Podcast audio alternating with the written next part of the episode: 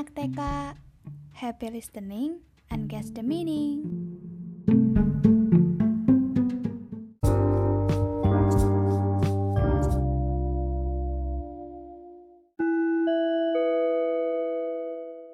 Long time ago, I live in the bad circle.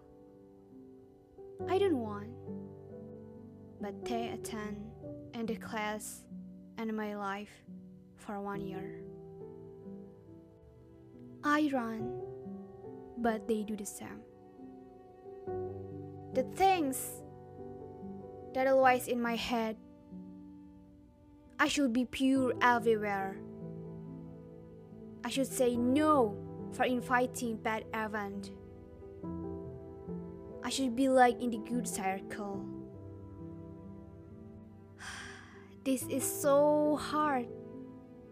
I think, do I still make good attitude?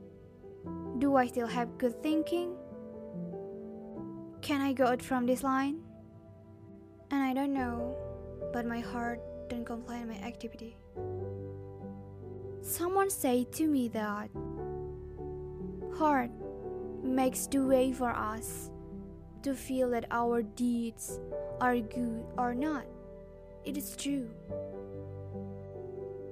Sometimes we believe the answer of our assignments are from our feeling.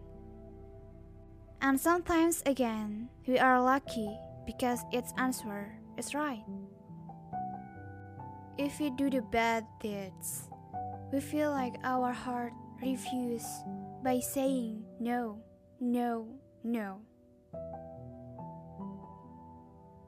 But if we do the good deeds, we feel like our hearts are fine and good and relaxed.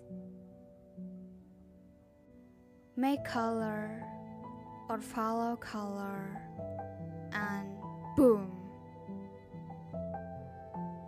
Before they invite me to join their game, I feel and know little. They are so wild, bad, and always playing games. They always complain for their studies. They always try to go out from the school. Disturb for the event and school. Loud for empty meaning and arrogant to others. When I came, and have been several months, something seems different. I'm confused and surprised. It's like what I see before I join the circle and what I see after I join the circle are so different pure different. To be honest, I'm not afraid because I know I don't swim in the black square or drink its water. I feel free. I play the rule, but I'm still just be myself.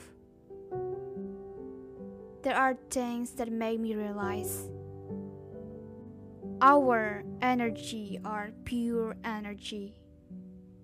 If we have strong energy, even we are in the bad circle, it won't be lost. This is right and serious. Strong energy won't be amalgam with other energy that is black. It's always eternal in our soul.